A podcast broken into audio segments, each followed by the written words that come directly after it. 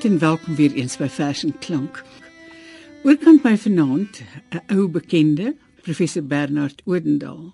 Baie welkom Bernard. Baie dankie Margo. Onlangs het professor TT Kloete 91 jaar oud geword en ek het spesiaal vir Bernard gewag terwyl hy in die buiteland gaan werk het vir 'n klein rukkie sodat ons 'n program kan saamstel hmm. oor professor Kloete. Jy ken hom en sy werk besonder goed. Ja, ek het 'n proefskrif geskryf oor TT Kloete se ses eerste digbundels en uh, daarna het ek uh, byna elkeen van die uh, volgende 4 5 uh, digbundels wat verskyn het het ek geresenseer en uh, op hierdie wyse op die hoogte gebly met die ontwikkelinge in sy werk. Goed. Nou vanaand se program bevat nou 'n uh, hele paar gedigte deur ander mense. Hmm. Vertel vir my. Ja, Margo, uh die tydskrif vir Geesteswetenskappe wat verlede maand verskyn het, het 'n afdeling bevat wat uh, 'n uh, huldiging van TT Kloete was en daarin is ook 'n negetal gedigte opgeneem. Ek het opgetree as gasredakteur vir hierdie gedeelte en dus die digters genooi om gedigte voor te lê en dit is nou uh vanaand die geleentheid dat ons luisteraars ook 'n bietjie kan hoor wat digters van hom dink en van sy werk. Waarmee gaan ons begin? 'n Kenmerk van Kloete se poësie en van hom as mens is sy wye belesenheid en mens sien dit ook in die wat genoem word die intertekstuele spel soms wat hy voer met 'n hele magdom ander skrywers en kunstenaars. En van die gedigte wat in hierdie huldigingsgedeelte opgeneem is, bevat dan ook weer so intertekstuele spel met sy werk. En die eerste twee is baie goeie voorbeelde daarvan. Die eerste is deur Joan Hambidge en die tweede deur Marius Kraus. Goed, ek gaan nou die eerste gedig lees, die een van Joan Hambidge, nee. Ja. Die gedig se titel is Epifanie. Hy het uh, ook 'n opdrag vir die digter van die juxtaposisie. En sy skryf dan: huise uit sandsteen geweef. Nestepuite uit suiwerms gegis. Soos wyn uit druif gekap. Verweef kap of gisting tot 'n unieke klein gedig. Immers meer poësie in 'n sneeuvlok in die huis snags as die strofe bedags meer te vroeg oor die dood en Marilyn Monroe as oorlewensbrood. Rympatrone gevind in die ontoelaatbare, die ongesegde met stilte gerinkink. In die huis van die digkuns was daar vele wonings. Huise uit sandsteen gegis, nestapuite uit suiwerms gekap, soos wyn uit druif geweef. Die digter, 'n allotroop, stap jambies ligvoets eenkant onversadig verby. Ja, lesers wat uh, Kloete se poësie ken sal sommer 'n hele klompie gedigte en ook bundeltitels terughoor in daardie gedig van John Hambidge. Ja. En jy gaan nou vir ons Marius Kraus se gedig lees. Ja. Marius Kraus gee die titel van sy gedig eenvoudig TTC noem hy dit en hy gebruik dan 'n gedig motto waar hy 'n aanhaling van Brian Cox gebruik wat lui I used to think about meaning a lot. Hy skryf Hy is lewenslank in huisarrest in sy dorpshuis. Tog reis verder as al die Sputniks trap op wyeer geleë planete as Armstrong. Hy het klaar die godpartikel gesplyt. Sweef materieloos sonder swaartekrag in gedagte. Hy ken die paringsdans van die kolibri. Kuku se gebaretaal. Die pronk van die springbok. Die oerknal en die dinosourusse. Blaai saam met Refius en Calvin deur Milton, Green was immers geselskap goed en defien. Alleen op brood en stroop kan ook hy slie skuiwer die sein in skaakmat sit. Ja, maar dit was nou twee Suid-Afrikaanse digters natuurlik wat in Afrikaans Ja. ja. Maar hier's ook 'n Nederlandse Ja, vers. ja, dit was 'n heerlike verrassing om ook uit Nederland 'n bydra te kry, naamlik uit die pen van Gerard Scharren. Hy skryf nogal 'n heel kriptiese gedig. Dit is nogal heel tipies van sy digkuns dat jy nogal 'n verwysingsveld moet hê wat soos kloete ook die wetenskappe en allerlei kunste dek. En uh, as 'n mens hierdie gedig lees, is daar waarskynlik minstens 2 dinge wat 'n mens moet weet om dit te verstaan. Die eerste is die titel. Dit is 'n uh, Franse titel, Salle de pas perdu, wat beteken saal van die verlore voetstappe. Daar is in die gedig ook 'n verwysing na die kooi van Faraday. Dis 'n term uit die studie van die elektromagnetisme en dit verwys na 'n ruimte wat elektromagnetiese straling uitsluit. 'n elektromagneties dooie ruimte dus. Baie soos klote mens met die Baie wetenskappe, wetenskappe en die, ja. En dit word nou gebruik as beelde van die geestelike ruimte waarin die poësie ontstaan. Jy gaan nou vir ons dit lees, né, in die Nederlands. Ek gaan probeer my Nederlandse uitspraak is gebrekkig, maar ek Nee. gaan dit tog probeer. Sal de pas perdu. Woorden gonsen in een kooi van Faraday. Er dansen bijen in mijn hoofd. De rust verstoord na jaren lethargie. Een enkel woord waarin de zin besloten ligt, komt vrij, kort gesloten, in een bliksemschicht, ontsnapt uit het witte licht gesneden. Een treffen, een voorheen, het niemandsland. Het limbo wordt verlaten. Heilna de Plooi het ook 'n bydrae gemaak, Ja, nê. ja, Heilna is 'n oud student van TT Kloete en ehm um, hy gebruik haar nogal so 'n bietjie as 'n klankbord in die laaste klompie bundels van hom. Gebruik hy haar as 'n klankbord in die skepingsproses daaraan. En sy ken dus ook sy digkuns intiem. Haar gedig gaan soos die van Gerard Scharren oor kreatiwiteit, oor die volheid van ervaring wat met eintlik heel min middele in die in die kuns opgeroep kan word. En hierdie gedig is dan woordensvol, Ja, vol glas, vol emmer, vol skottel, vol dam. Daar is iets wel behaagliks in vol wees. In die vermoë om gevul te word. 'n Houer, bereidwillig en gedee. Vol mond, vol oë, vol ore, vol hart. Randvol aangevlei deur soepelhede wat kontoure vul, maar ook bly uitdui tot iets ongrypbaar gans en alles is. Die mens se stem gebruik 'n melodie wat enkelvoudig, enkellynig bly. Mens praat nie in akkoorde nie, nooit nie. Jy reig jou stem se note een vir een. Jy knoop jou pen se enkel lyn ook so. Steeds enkelvoudig tot daar letters vorm, een vir een. Tot uit die dun lynreekse tekens groei. Woorde, sinne, boeke vol. Die stuifmeel en die vrugbeginsel is met 'n haardun draad verbind. Die spinweb en die spinnekop se pens vol sy deur enkel drade ingewikkeld saamgeknoop.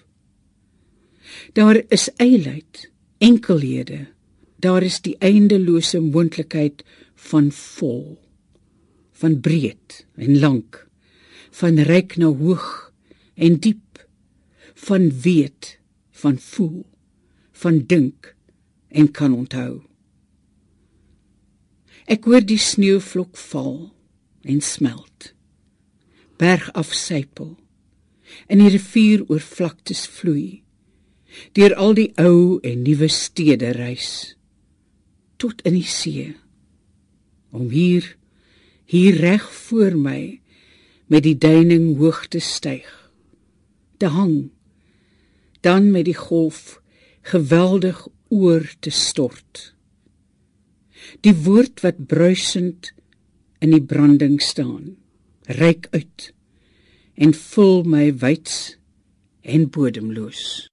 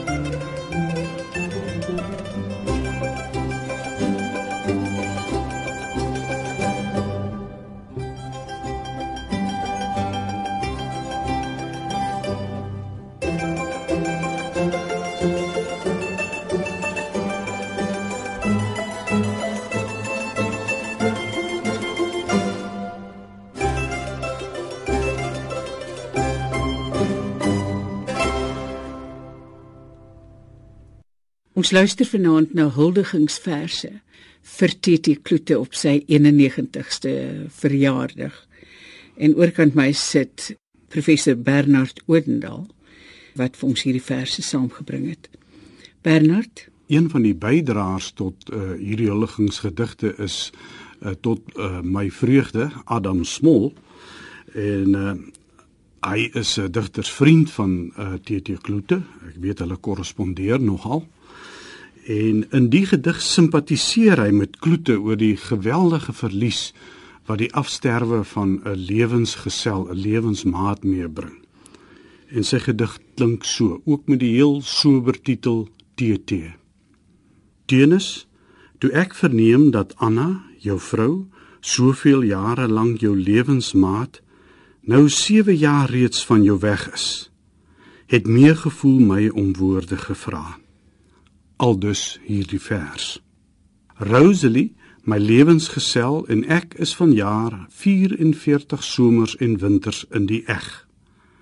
En ek vroeg met die gedagte: Sou dinge vir ons soos met jou gebeur? Hoe sal ek die koste van die bedroewende lang ure en dae van 'n toekoms sonder Rosalie besleg?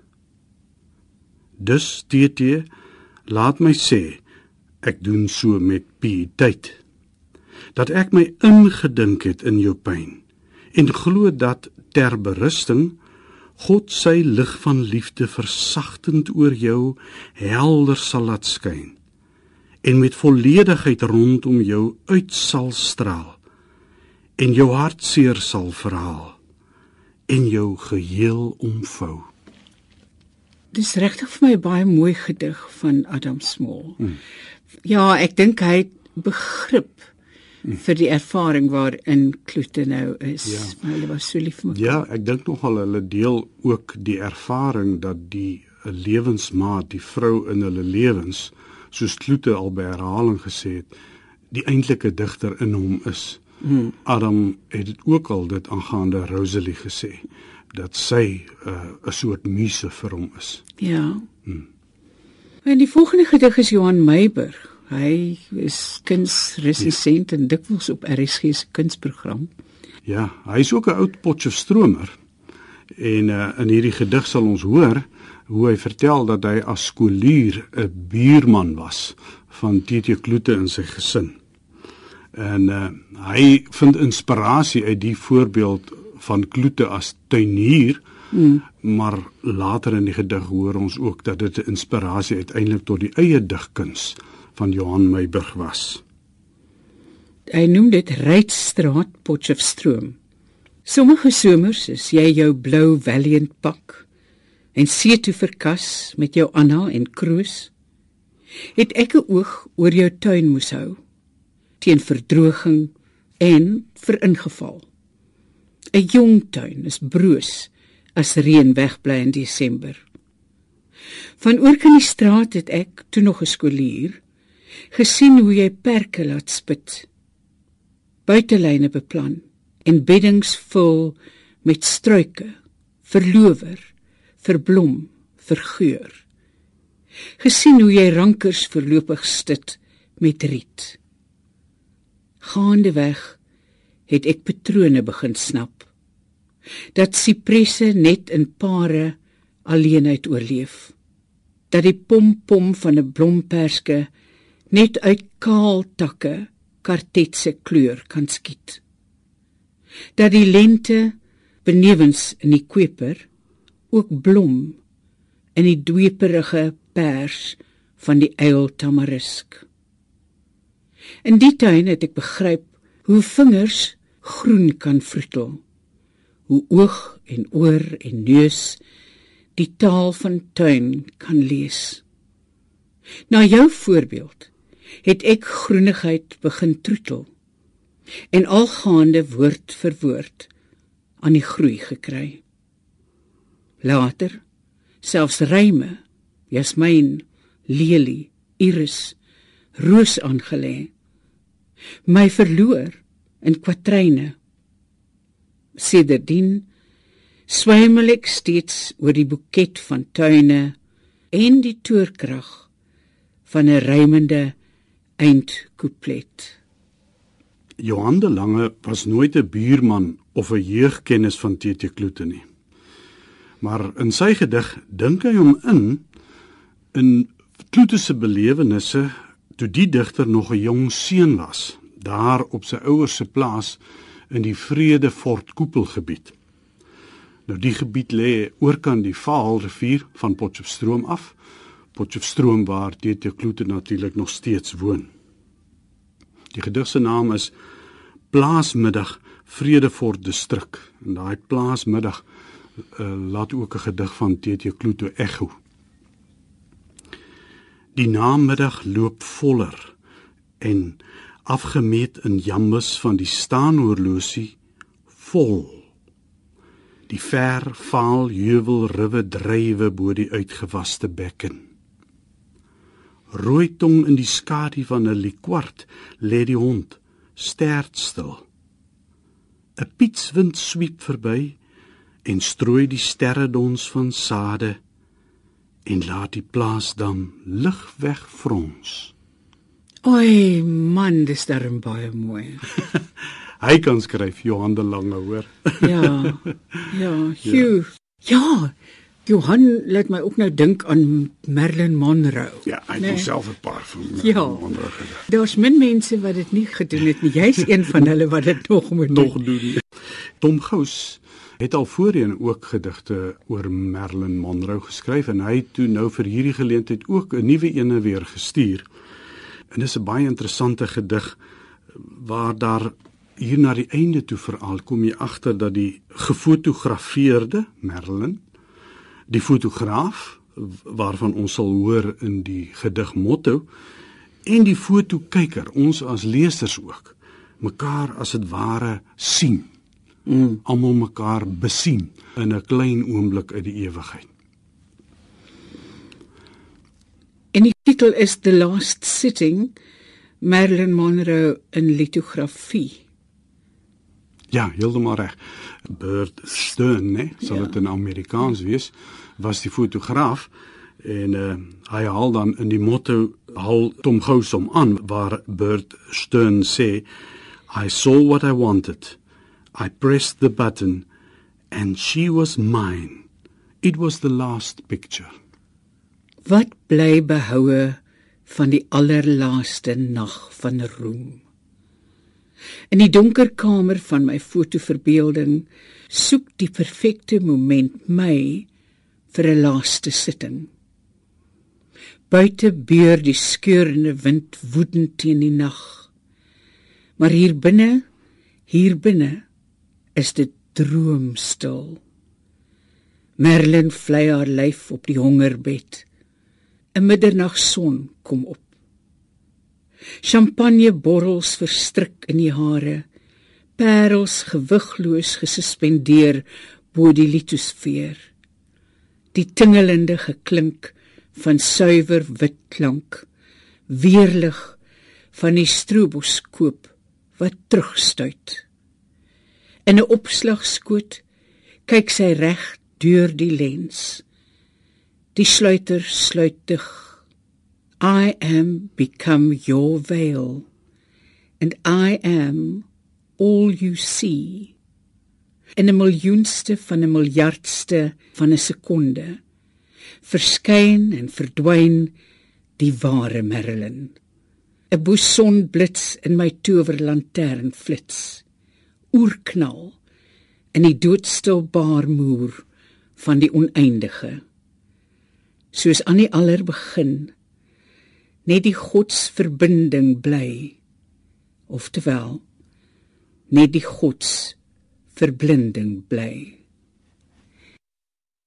Bernard, ons gaan met 'n vers van jou darm afsluit. Ja, ek het uh, ook tot die uh, huldigingsgedeelte 'n gedig bygedra en in my gedig doen ek so 'n bietjie iets wat Tom Gous ook doen. Die belangrike temas hierin is die van waarneming wat dan eintlik dinge tot stand bring.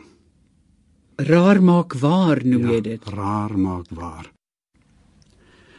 Waarneem maak kwarke waar en leptone wat niks en nêrens was iets hier of daar donker ver sterre sterspirale sterrestelsel trosse ontketen glans en al.